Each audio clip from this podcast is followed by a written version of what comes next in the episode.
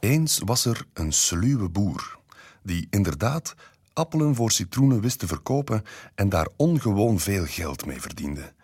Moeilijk viel hem dit niet. Hij had nooit citroenen gezien en geloofde dus zelf in zijn handel.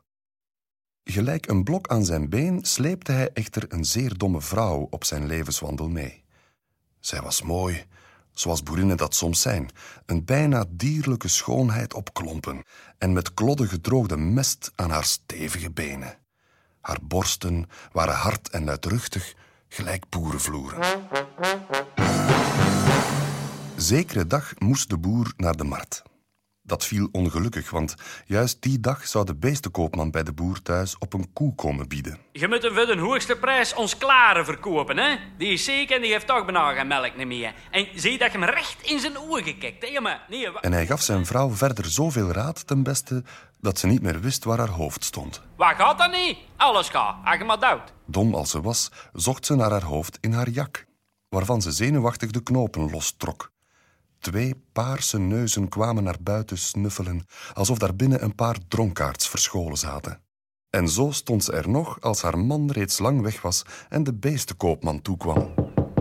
Goeiedag. Ik kom voor... eh hoe zekerst? Hij ging met haar in de stal en betastte alles wat hij zag. Kom eens hier, gij. Haar aanraden kocht hij Klare, de zieke koe, voor de hoogste prijs. En hij kocht meteen ook Bonte, de beste koe, voor de laagste prijs. Toen het echter op betalen aankwam, bleek hij niet voldoende geld te bezitten, Ja, dat is nou wel stoel. Ja, dan weet je wat, ik zal hier bonten houden. zei de beestenkoopman.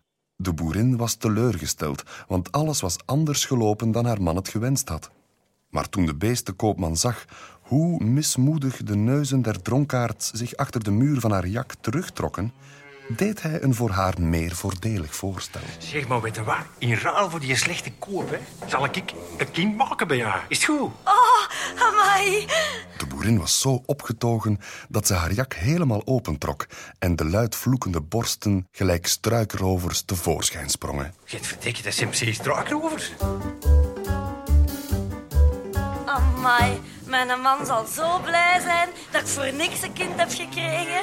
Helaas. Toen de boer al zijn appelen voor citroenen had verkocht en terugkeerde van de markt, bleek hij alles behalve tevreden. Godverdomme miljarden onder zeg was dat? Hij rukte zich de haren uit het hoofd omdat Bonte weg was voor zo'n belachelijke prijs. En hij sloeg een ruit kapot omdat nu in zijn domme vrouw ook nog het kind van een beestenkoopman ging groeien. Ik maak haar kapot! Maar eerst wil ik weten of er op de wereld nog een stoemer waaf te vinden is. Godverdomme! hè. En met zijn mispelaren stok in de hand ging hij heen, de baan langs, die naar nergens en overal leidde. Onder het lommer van een boom waaraan verwensingen groeiden, bleef hij zitten. En om zijn honger te stillen, vrat hij een stuk van zijn hart op. Het smaakte zeer bitter. En nog was het niet helemaal op, of langs de weg zag hij een boerin naderen met een kar vol hooi. Zij schrok toen ze de boer al meteen zag zitten. Van waar kom jij? Zijn uit de hemel gevallen. De boerin bleef op de hooikar zitten en bebroedde een sluwe gedachte. Ene die uit de hemel is gevallen, moet mijn man hebben gezien. En hoe is het met onze tist? Oh, slecht. De boer haalde een appel uit zijn zak en blonk die op tot het een citroen werd. Hij vertelt overal dat hij hem zonder één enkele cent in zijn kist heeft gestoken. Hij krijgt hij daar het minste eten en hij moet ook het vaste werk doen. Iedere zaterdag moet hem de voeten van onze nieren wassen. En hij at zijn hart verder op. De boerin was er het hart van in. Niemand had haar ooit gezegd dat ook in de hemel de rijstpap moet worden betaald. Zij beet haar vingernagel een stuk. Weet je wat? Ik rij vlug naar huis en laat u mijn dochtertje de kous met geld brengen. Wilt even wachten misschien? Dat zeg je dan, madameke. Als die na haar dochterke stuurt hè, met die kous, hè, dan is dat even af nog een stoemer wijf dan die van ons. dacht hij. Heel lang hoefde hij niet te wachten. Tussen wolken stof kwam vierklauwens het paard teruggehold. En midden de wolken en het paard zat het dochtertje van de boerin. Hij zag hoe ze met haar tong een zweetdroppel weglikte die haar langs de neus naar de mond kwam rollen. Maar schoonheid zei hem niets.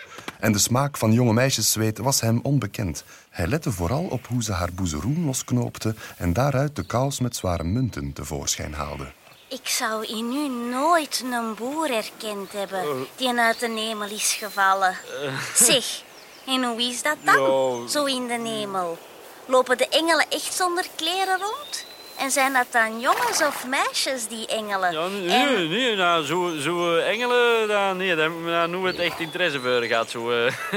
maar een gebraden kalkoen, daar, daar zijn mijn gedachten dikwijls bij. Maar ja, dan moet ik zeggen, zo in de hemel, zo een gebraden kalkoen, dat krijg je ook niet dikwijls op een bord voor geschoteld. Hè? Zijn die inderdaad van goud, die borden? Och, manneke, over alles hebben ze daar een lakje goud over gedaan. Bladgoud eigenlijk. Hè. Want van het leven dat wij droomden, is ook het leven in de hemel alleen maar schijn. Wat zegt u? Ja, wel, van eh, dat er in het leven... Zeg, al goed dat je ook één hersencel meer hebt als een kai, hè, of anders scheet hij alles nog onder. De dochter zat naast hem, het paard stond terzijde te grazen en te stinken en haar boezeroen was nog steeds ontknoopt gelijk een roos. Onnadenkend schoof haar hand daarbinnen en betastte er de rozenknoppen die aan de borsten groeien der dochtertjes van boerinnen. Godverdikke, niet zeker. Hola. Maar zijn het nu jongens of meisjes? En haar ogen lachten luid zijn antwoord tegemoet. Het, het zijn... De dochter drukte wild haar borstjes tegen haar eigen lichaam aan en al meteen sloeg ze de armen om de boer heen en... Godverdikke, schet na aan de vloer. Om neem me mee naar Ginder. Ja, meneer, maar daar, daar verkopen ze ook appelen voor citroenen, zullen. Joepie! Zij zoende de verre hemel waaruit de boer gevallen was. En zij zoende ook meteen het paard dat ongeduldig werd. Vertrekken we niet? Oh, als je het zegt, dan...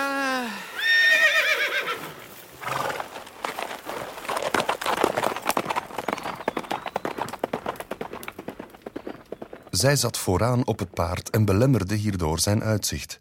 En ook stegen weer wolken stof op die in hun ogen drongen.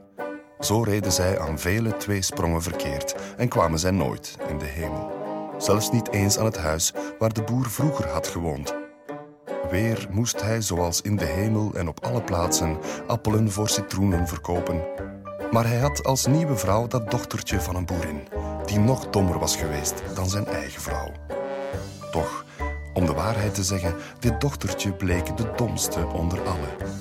Zekere zomeravond liet ze zich zelfs, in plaats van bij een beestenkoopman, een kind maken. Bij een kaboutermannetje. Hallo.